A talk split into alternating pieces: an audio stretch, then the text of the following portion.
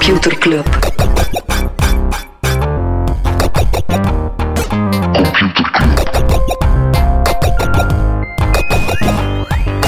Computer Club. Hey Smolly, Hey Freddy, welkom, welkom terug. welkom bij Computer Club, een eh, wekelijkse podcast over technologie. Iedere aflevering selecteren Freddy en ik een interessant artikel en pakken we een interessant weetje met ons mee.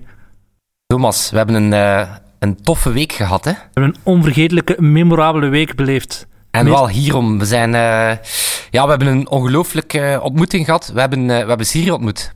De Liberia de Splinter, de Ja. vrouw die wij in elke aflevering onze jingle laten inspreken. Exact, we hebben ze, we hebben ze in eh, vlees en bloed ontmoet. We waren samen met In The Pocket en een groep studenten op een soort computerkamp.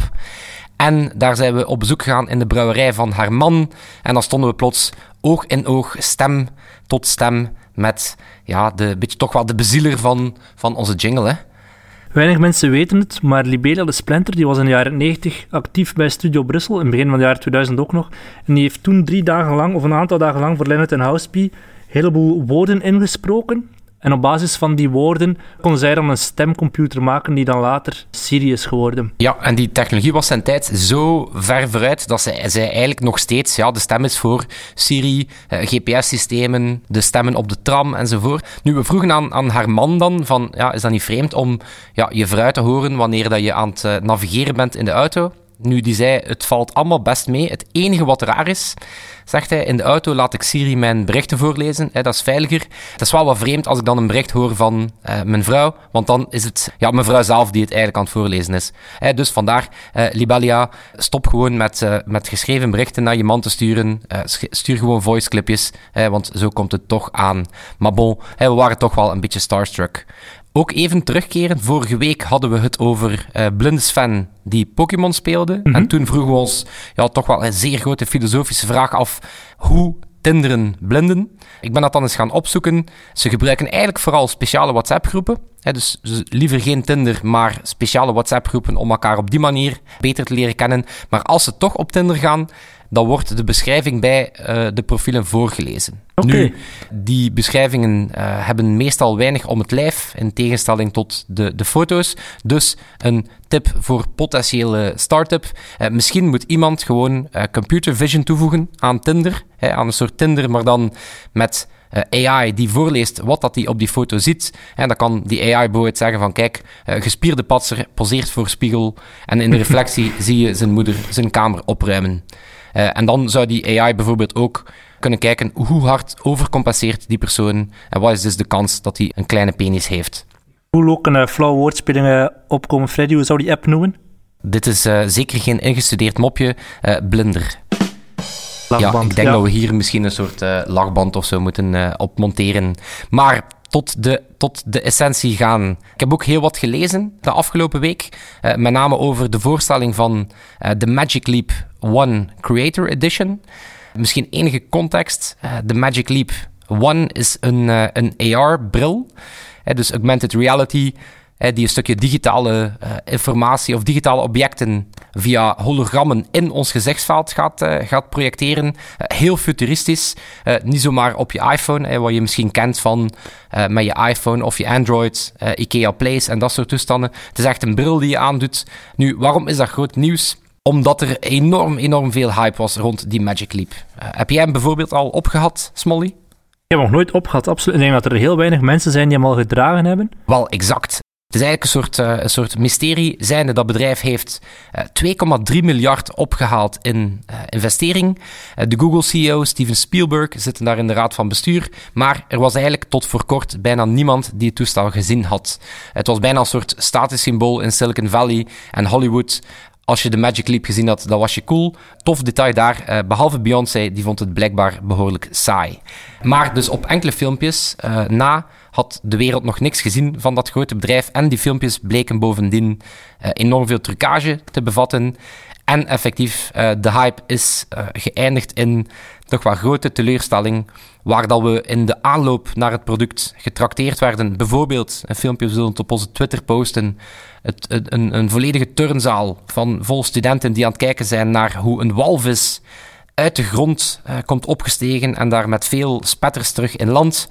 Uh, dat was dan hoe het ons in marketing beloofd werd. En de realiteit is dat je een soort zwemmend goudvisje in je bad kan zien. Een soort uh, duplo-versie duplo versie van Nemo. Het is toch niet helemaal augmented reality, de Magic Leap is. Het is een soort mix van verschillende technologieën, of heb ik het fout? Wat is, denk correcter is om het mixed reality te noemen, hè, omdat het, het, het blendt eigenlijk een stukje de echte wereld en, en de virtuele. Uh, wat wel bijzonder cool is aan de technologie, zonder al te technisch te gaan, maar die gebruikt uh, light field technology, dus die creëert eigenlijk lichtvelden en dat is meteen ook de reden, denk ik, dat er zoveel geïnvesteerd is in uh, Magic Leap, waar gewone 3D of gewone augmented reality gaat eigenlijk proberen zo realistisch mogelijk uh, virtuele dingen op het scherm toe te voegen. En die gaat proberen die objecten zo goed mogelijk in het beeld te gaan uh, photoshoppen, zeg maar. Werkt Magic Leap eigenlijk anders. Die gaan eigenlijk licht rechtstreeks in je ogen gaan schijnen. En waarom? De enige reden dat wij dingen waarnemen, Thomas, is omdat er licht weer van op weerkaatst. Dus onze ogen ontvangen eigenlijk constant licht. Onze hersenen bouwen dat dan om tot uh, voorwerpen die wij zien. Dus wat de Magic Leap eigenlijk doet, die projecteert eigenlijk licht rechtstreeks in je ogen. En op die manier worden je hersenen uh, misleid. Denk je dat de Magic Leap lang zal nog blijven bestaan? Of is dat een soort Google Glass die als snelle, stille dood sterft of in heel specifieke sectoren nog gaat gebruikt worden, maar voor de rest nooit zal doorbreken? Wel, het is, een heel, een heel het is een heel klassiek proces. Hè. Wat er vooral denk ik misgelopen is bij Magic Leap, en dat geeft de CEO uh, Ronnie uh, Abavowitz, laten we hem Ronnie noemen. Hè. Dus Ronnie zegt ook van kijk, we hebben een fout gemaakt, hè. we hebben te, te sterk op marketing ingezet. Hè. We hadden eigenlijk nog niks om te communiceren. Hè. We, hebben het een beetje oversold. Maar eigenlijk algemeen kan je zeggen dat elke technologie, uh, die gaat een beetje dat proces door. en hoe ziet dat proces eruit? Dat heet dan innovatietechnisch een S-curve of een hockeystick-curve. Zijnde, dat start heel langzaam, heel klein, heel weinig gebruikers, heel, heel brute technologie. En dan gaat het plots in een stroomversnelling en dan, dan ga je plots die curve heel stijl omhoog zien gaan. En dan bereikt hij een plateau en dan kan je zeggen van oké, die technologie is matuur geworden en is bekend terrein geworden. En wat ook heel typisch is, is dat je in die eerste, in die eerste fase, ja, schommel je heel sterk tussen heel coole dingen zien en dan heel teleurgesteld zijn dat ze nog niet uitgevoerd kunnen worden. Maar dat is eigenlijk een, een vrij normaal proces. En ja, maar zijn toch aantal... slagen ze er niet allemaal. Heel veel technologieën sterven toch ook gewoon. Ja, er zijn, er zijn veel te technologieën die, ja, die nooit zeg maar, hun, uh, hun fit gaan vinden omdat er eigenlijk een aantal dingen moeten gebeuren om, uh, om te kunnen spreken van zo'n technologie die matuur wordt. Uh, zijnde, eerst en vooral moet die technologie natuurlijk nog veel beter worden. Ja, als je bijvoorbeeld kijkt naar die, die Magic Leap, op dit moment is dat nog niet comfortabel. Hey, het is comfortabeler dan bijvoorbeeld de Microsoft HoloLens, dat wordt wel gezegd. Maar je loopt eigenlijk nog steeds letterlijk rond met een diaprojector op je neus, een computer aan je riem. Dat ziet er nog niet uit. Nu, wetende dat de eerste demo's van die Magic Leap, die werden blijkbaar um, gedraaid op een, eh, een, computer en die had de, de grootte van een uh, ijskast. En dat ding werd de Beast genoemd. Dus ook daar, hè, dat gaat wel enorm vooruit. Die technologie is al beter dan bijvoorbeeld de HoloLens, hè, die een aantal jaar geleden uitkwam. Hè, bijvoorbeeld het, het, de field of view, het zicht dat je, dat je hebt. Hè, dus dat betekent een stukje van je beeld waar je die augmented digitale dingen op kan vinden, is al 45% beter dan de HoloLens. Wat op zich een mooie doorbraak is. Maar er is wel nog, nog zoeken aan die technologie. En daar is het een stukje wachten uh, op. Hè, wat ze dan het iPhone-moment noemen. Uh, zijnde de eerste smartphones, de eerste, uh, de eerste PDA's, die waren echt nog, nog clunky. Die waren niet makkelijk om te bedienen. Die waren, er, die waren niet gebruiksvriendelijk. en dan is daar plotseling de iPhone gekomen met die multitouch onder andere. En dan zie je eigenlijk dat de vorm van dat toestel weinig verandert. Dat wordt dan eigenlijk gewoon verbeteren en verbeteren. Dus ook hier maar de iPhone is ook pas doorgebroken toen dat de, de Apple Store er kwam, hè? Ja, en dat is inderdaad ook een, ook een, um, ook een reden eh, of iets dat aanwezig moet zijn om zeg maar, een technologie in stroomversnelling te gaan, te gaan duwen. Ja, dat zijn gewoon uh, goede toepassingen. Dus dat betekent uh, zorgen dat je een uh, ecosysteem aan, aan ontwikkelaars hebt. Hè, wat ze eigenlijk nu proberen doen uh, met die Magic Leap One, de Creator Edition. En nu brengen ze die eigenlijk vooral uit naar allerhande ontwikkelaars, om daar dan eigenlijk, net zoals de App Store deed voor, voor, voor smartphones, eigenlijk te zorgen dat er allerhande coole toepassingen komen.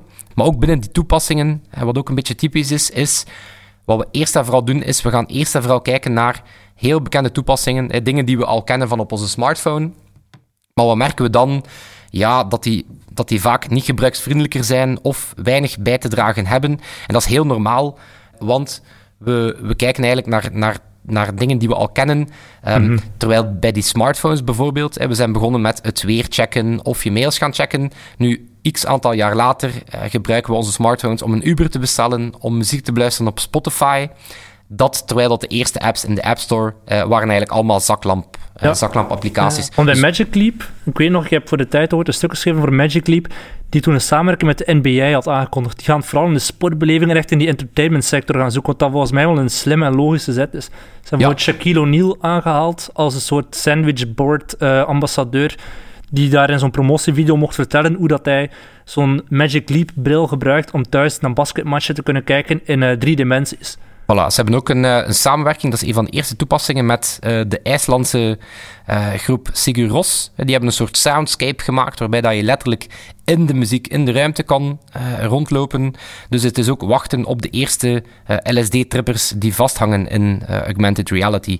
Um, maar het is zoeken het zal ook nog een beetje wennen zijn aan hoe dat die toestellen eruit komen te zien. Het is daar vooral wachten op Apple. Die zouden in 2021 met hun bril komen. Ehm, potentieel zou dat wel het iPhone-moment kunnen zijn. Mhm. Ehm, maar bon, er wordt enorm veel geïnvesteerd, want de verwachting, om het dan, eh, om het dan af te sluiten, um, waarom investeren al die bedrijven in, in, in, zo, eh, in technologie die nog zo ontluikend is? omdat het wordt wel eens gezegd dat augmented reality het vierde grote uh, platform kan zijn in computing, uh, na de PC, het internet en de smartphones. Uh, en wat is er zo interessant aan, aan, aan het vierde platform, of aan augmented reality, is dat het wel eens het laatste scherm kan zijn. zijnde, we gaan niet meer naar verschillende schermen gaan kijken, maar we gaan eigenlijk alles, alles naadloos op ons oog geprojecteerd krijgen. En dat kan je inderdaad, dat kan je rondlopen in een basketbalwedstrijd, rondlopen in een optreden, of kan je eigenlijk gewoon aan je bureau gaan zitten. Je roept een virtueel beeldscherm op. Er komt een collega virtueel naast jou zitten. Uh, en Siri bijvoorbeeld, die komt dan ook gewoon uh, netjes de ruimte binnen en buiten gelopen.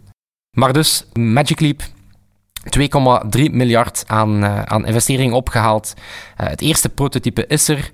En er wordt wel gezegd, de, de Verge om, omschreef het wel mooi. En die zeiden van, kijk, ik geloof echt dat Magic Leap ons hier een glimp toont van, van de toekomst van technologie. Maar het zal best wel nog een tijd duren eer we die toekomst bereiken. Alright, ben benieuwd. Voilà. Ik ben ook benieuwd, Thomas Smolders, naar uh, ook iets waar, waar ik elke week opnieuw serieus naar uitkijk en, en waar ook al hype rond ontstaat. Uh, zijnde jouw weetje. Ik ga, je, ik, ga je, ik ga je introduceren met onze jingle. Computerklas. Yes. Um, bedankt voor de voorzet. Mijn weetje van de week is eigenlijk eentje die in de jaren 90 heel wat internetfora heeft beroerd. En dat is dat uh, Bill Gates, de oprichter van Microsoft, zijn huis zou gedesigned zijn op een Macintosh. In die tijd toch nog altijd, voor een groot deel, de grote rivaal van, uh, van Microsoft, een Apple-computer. Vond wel lachen. Ik ben uh, op zoek gegaan naar, zit er iets in, klopt het of niet? En het is inderdaad wel deels waar. Ik heb hier op een architectenwebsite uit de jaren 90 een blogpost van 30 juli 1999 gevonden Was the famous billionaire's home on Lake Washington designed on a Mac? En het antwoord is ja, inderdaad. Dus voor een groot deel uh, is Bill Gates zijn huis ontworpen op een uh, Macintosh naast de tekeningen die met de hand zijn gemaakt. Dus ja. dat, is, dat, is, eigenlijk wel een grappig weetje. Maar het is ook niet de eerste keer dat, uh, dat Bill Gates uh, en Mac in één zin uh, te vatten zijn. Hè? Bijvoorbeeld, misschien ook een klein wistje datje, maar Microsoft Office en dan met name Microsoft Excel was eigenlijk eerst een Mac-programma. Microsoft is eigenlijk gestart als, uh, als softwaremaker voor de Macintosh. En het had zelf niet veel gescheeld, maar uh, in 1997 heeft Bill Gates zelf een investering gedaan van 150 miljoen. Uh, toen het eigenlijk super slecht ging met Apple. Ja, dat was toen als Steve Jobs de eerste keer wegging, of Rond die periode misschien niet? Ja, ik denk dat hij toen terug was. Het ging daar echt niet goed. En Bill Gates heeft daar toen, uh, was daar toen vriendelijk genoeg uh, om Apple uit het slop te gaan trekken. Dat is een beetje zoals in Monopoly. Het gaat supergoed. Het geld stroomt binnen. En dan ga je zo wat uit medelijden andere, andere spelers gaan, gaan, gaan uit de nood gaan helpen. Hm. Maar bon, twintig jaar verder en het zal niet puur uit altruïsme geweest zijn. Voilà, dat hij dat is misschien ook een, een rare beslissing geweest in retrospect. Yes. Nu, Thomas. Ik heb nog een artikel mee. Dat is een artikel Ja. dat vorige week verschenen is. En ik viel in eerste instantie bijna van mijn stoel toen ik het las. Maar ja, het was zodanig absurd. Het had een stuk van de speld kunnen zijn. Het is een, eh, ik ga niet nader genoemd reisbureau. Ik denk dat het Belgisch of Nederlands is. Die lanceren een rondreis, een Instagram-rondreis. Waarbij de vakantiegangers dus zoveel mogelijk Instagram-waardige foto's zullen kunnen maken. Ze ik, je betaalt wat is het, 400 euro of zo, of 300, 340 euro. En dan ga je een aantal dagen op reis naar, ik denk in eerste instantie naar Spanje is, nee, naar Turkije. Eh, en ze tonen je de meest Instagrammable plaatsen. Dus gewoon hier stop, iedereen de bus uit, mooie foto maken, iedereen de bus terug in. Volgende plek, nieuwe foto maken. Klinkt als de hel op aarde, maar het is dus effectief echt. Het is geen stuk van de speld of een andere satirische website. Ja. Ik heb nog een mooie quote is, die ik wil aanvullen van de PR-manager. Die zegt, uiteraard is er wifi aanwezig in de bus, zodat de mooie plaatjes en bijhorende hashtags gelijk gedeeld kunnen worden op Instagram. Dan denk ik echt, dit klinkt als de hel op aarde. Ja, het klinkt als de hel op aarde. Het klinkt ook volledig absurd. Maar als je dichter bij huis kijkt... ehm, er bestaat ook zoiets als Instagram-festivals. hè. Bijvoorbeeld Weekend Dance Oh ja, Weekend in Dance, uiteraard. is eigenlijk over de jaren heen is een beetje afgegleden van een elektronisch muziekfestival tot een, een festival waar het eigenlijk meer draait over poseren met je outfit eh, Ja, dat is een voor een fotogenieke locatie. De Vlaamse Coachella, maar dan zonder... Ik heb geen enkele DJ of muzikant op eh, Instagram zien passeren. Nee, wel veel cowboys en indianen. Ehm, ja, ik vond het wel interessant dat nu ook die, die travel sector... vandaag, nee, dat was eergisteren, stond er in de morgen ook een interview met de oprichter van The Lonely Planet. En die vertelde ook dat hij eh, zich aan zekere kant ook wel een beetje excuseert dat er heel wat landen zijn die gewoon door, door Lonely Planet echt wel veranderd zijn. Bijvoorbeeld een eiland als Bali is nu helemaal gegentrificeerd doordat er eh, rijke westerse toeristen met de Lonely Planet onder de arm naar dat land gaan. En dat de lokale bevolking daar niet meer... Dat land is gewoon helemaal ontwricht Ja, het- door dingen als Lonely Planet. Ik denk dat dat bij Instagram ook hetzelfde Ja, zal dat heeft, zijn. zelf, dat heeft zelf een naam, dat heet eh, Airspace. En dat is eigenlijk het, het Oh ja, fenomeen juist. dat je meemaakt door Instagram en andere sociale media dan natuurlijk, waarbij dat we eigenlijk zo vlotte inkijk krijgen, ehm, dat eigenlijk alle plekken ter wereld die we nog gaan bezoeken op elkaar gaan lijken. Als je een nu naar een koffiebar in Australië ziet er hetzelfde uit als een koffiebar hier in Gent. Ja, Omdat, voilà. Dus eh, eigenlijk omdat we ja. gewoon constant aan het telen zijn, nemen we eigenlijk gewoon één gemeenschappelijke esthetiek over. eh, en gaat eigenlijk heel de wereld als een soort eh, hipster-utopie er gaan uitzien. Ehm, Zo'n reis doet me ook denken aan eh, wat ik wel een van de grappigste reeksen op, eh, op Instagram vind. eh, Boyfriends of Instagram. Oh, nou, husband, husbands of Instagram. Of husbands of Instagram. Dat zijn dan de, dat zijn dan de, de, de partners die ja, zich in allerhande acrobatische toeren moeten gaan, gaan wringen om toch maar die perfecte, de perfecte shot te gaan krijgen van een vrouwlief die daar in azuurblauw water... Ja. Het tragischste vind ik dan de accounts die echt heel, die heel graag willen om eh, zo'n influencer te zijn, maar het toch eigenlijk net niet, eh, eigenlijk net niet hebben, die X-factor. Die Dan is eigenlijk wel, we doen er wel lacherig over, maar die mensen zijn een medium op zich, die grote accounts met een miljoen volgers. Het is ook gewoon een indrukwekkend... ey, het is een zot gegeven. Oké, er zijn, er zijn heel, wat, eh, heel wat fenomenen op Instagram waar je wel lacherig kan over doen. Maar als je gewoon puur eens kijkt naar het parcours dat eh, Instagram afgelegd heeft, ehm, is heel knap. Hè? Startende, eigenlijk startte dat vanuit een soort ja, fotofilter-applicatie. Dan kreeg je daar eigenlijk een sociaal netwerk bij. Hè, dan kon je die foto's ook meteen gaan delen. Eh, dat was een kwestie van tijd eer dat daar ook eh, media, mode, eh, humor-accounts opkwamen. Hè, dus het werd eigenlijk ook een stukje een soort nieuwsfeed, waarbij dat je ook toffe brokjes kreeg. Dan hebben ze stories overgenomen. En dan zijn ze ook meer op dat vluchtige gaan, gaan inspelen. Het is ook een chat-applicatie. Heel veel mensen gebruiken dat om met vrienden en familie gewoon heel luchtige dingen te gaan doen. Meer en meer wordt het ook een soort Pinterest. Hè, waarbij dat je het moment dat je een mooie reis ziet of een, mooie, een mooi meubel ziet, dat je dat ook gewoon kan gaan opslaan. Eh, Maar ze ze- proberen ook nog altijd die YouTube-diensten pushen, hè, die Instagram TV. Dat Ja, zie je dat inderdaad, voorlopig wel door ook niemand meer en gebruikt meer. worden, maar... nu ook meer en meer eh, longform video. Hè, dus geen, geen, geen stories van 10 seconden, maar echte afleveringen. Eh, ze hebben nu ook een soort Ask Me Anything. Eh, dat is dan overgenomen van Reddit. Waarbij Maar dat je, Curious Cat vooral, hè? Zo Ja, Curious Curious Cat. Cat, dat je vragen kan stellen anoniem aan andere mensen. ja, en dan natuurlijk ook ja, live, live stories en dat soort toestanden. Dus eh, gewoon denkende dat ze eigenlijk begonnen zijn als een, eh, als een fotofilter-app, is dat geen slecht parcours. En het legt dan ook geen wind, windeieren, want eh, BBC of, of Kevin Systrom, de oprichter, die meldde recent op BBC dat Instagram de kaap van uh, 1 miljard uh, maandelijks actieve gebruikers overschreden had, wetende dat dat een jaar ervoor nog slechts 500 miljoen was. En daar nog een hele knappe insteek van die Kevin Systrom in een interview zei van kijk, we hadden op een gegeven moment hadden we een half miljard maandelijks actieve gebruikers. Uh, maar we beseften, als we echt vooruit, de sprong vooruit willen zetten, uh, dan moesten we gaan designen voor het volgende miljard gebruikers. En zo hebben ze onder andere uh, de chronologische tijdslijn op de schop gedaan. heel veel van die mhm. Instagram-puristen stonden toen op hun achterpoten van kijk, dat was net wat Instagram naar hun mening uniek maakte. Maar die system zei nee, dat leidt tot overload. Dat is een concept dat mensen niet meer vatten. we moeten gewoon resoluut voor uh, designen voor de mensen die het eigenlijk op dit moment nog niet aan het gebruiken zijn. En dat legt, zoals gezegd, geen, geen windeieren, want uh, nog zo'n statistiekje. Uh, Instagram wordt dagelijks bijna evenveel gebruikt als Facebook. en dat leidt ongeveer tot 50 minuten per dag. Dat is niet slecht, hè?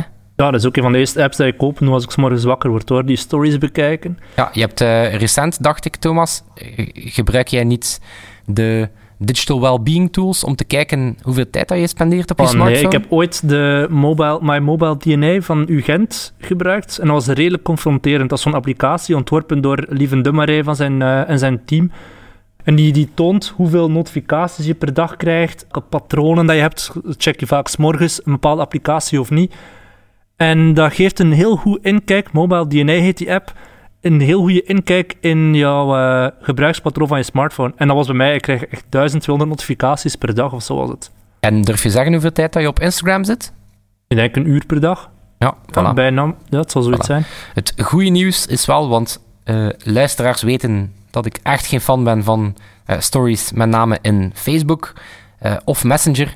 blijkbaar gaat het enorm goed met Instagram stories maandelijks uh, bijna 400 miljoen uh, actieve gebruikers. Op status uh, in WhatsApp, wat we vorige week zeiden, gaat het ook heel goed. maar op Facebook gaat het badly en op Messenger gaat het worse. Dus, lieve computerclippers, gewoon blijven die feature niet gebruiken en hopelijk, hopelijk, hopelijk sterft die alsnog een stille dood. De, hype, de hype cycle, ja, voilà, de hype cycle. Nu die Kevin Systrom, uh, de, de oprichter, uh, is nog steeds bij Facebook. Uh, die is ook best met coole dingen bezig. die zit ook in een clubje. Ook in een hip clubje. met name een blockchain clubje. Die zit samen met David Marcus. David Marcus, de ex-VP van Messenger, uh, in een vorig leven uh, de topman van PayPal, uh, zit hij eigenlijk in een soort um, strategische denkclub om te kijken wat de strategie van Facebook moet zijn rond blockchain. Mm. En dat gaat blijkbaar in een stroomversnelling. Er is ook iemand van Coinbase overgestapt naar Facebook. Wel, inderdaad, die David Marcus, wat die was bij Facebook, die zat in de board bij Coinbase en die gaat daar nu opstappen. Coinbase is een soort groot crypto-platformen. Ja, een voilà, dus die gaat daar nu opstappen eh, om geen uh, belangenvermenging te hebben. Wat kan betekenen dat Facebook toch uh, zeer binnenkort hun, hun strategie zal uitbrengen. En dat wordt een beetje kijken naar, naar wat Facebook en blockchain zal betekenen. er zijn zo'n aantal verschillende richtingen. je hebt bijvoorbeeld Doc, mm Doc.io. die, gaan dan, die gebruiken dan met name blockchain om te zeggen van kijk, jouw data is van jou en je kan die dan aan een sociaal netwerk uh, toegang geven. dus die gebruiken blockchain uh, om data ownership te doen. Uh, Steam, die ken je waarschijnlijk. Ja, de website, nee, de spelletjesplatform. nee, Steam, het is... Um, ja, Steam is inderdaad een spelletjesplatform. Het is ook een sociaal netwerk. wat, wat hen uniek maakt is, mensen worden betaald in tokens, in, in geld dus, om bijdrages te doen. En nog slechter, en laten we hopen dat het die toer niet opgaat. Uh, Kin, dat is de coin van Kik. Uh, Kik is zo'n... Uh, de Snapchat-kloon niet? Zo'n Amerikaanse Snapchat? Ja, het is inderdaad zo'n een, een messaging snap, ja. Snapchat-ding. heel populair in de States bij jongeren. En zij betalen die jongeren hoe, meer ze, hoe meer tijd dat ze doorbrengen op Kik. En om in interactie te gaan met brands. Voilà, dan word je eigenlijk... Ik heb er dan zo'n beeld van uh, als, uh, als A Clockwork Orange, dat de jongeren dan eigenlijk gewoon met Hoe meer advertenties dat ze bekijken, hoe meer geld dat ze voilà, verdienen. Voilà. Oké, okay, Thomas. Cool, benieuwd, benieuwd waar Instagram nog naartoe gaat. Um, voilà, dat was het denk ik voor deze week, hè? Ik denk dat het tijd is dat we op Instagram rondreis vertrekken naar Turkije of zo. Oké. Ik En jullie- lachen om undercover mee te gaan op zo'n reis en daar dan verslag van uit te brengen. Ja, ik denk dat het gewoon zeer goed zou zijn om daar zo de metaverslaggeving van te doen. En dat je, je, je geloof in de mensheid totaal verliest. Maar ja, eh, de story, de story behind the stories. en dance gaan we ook een keer doen volgend jaar. Oké. Jij ook bedankt om te luisteren. En eh, dan zien we elkaar volgende week. En eindigen doen we met de vrouw Ja. die we gezien hebben in Vlees en Bloed, Libelia. Computerclub.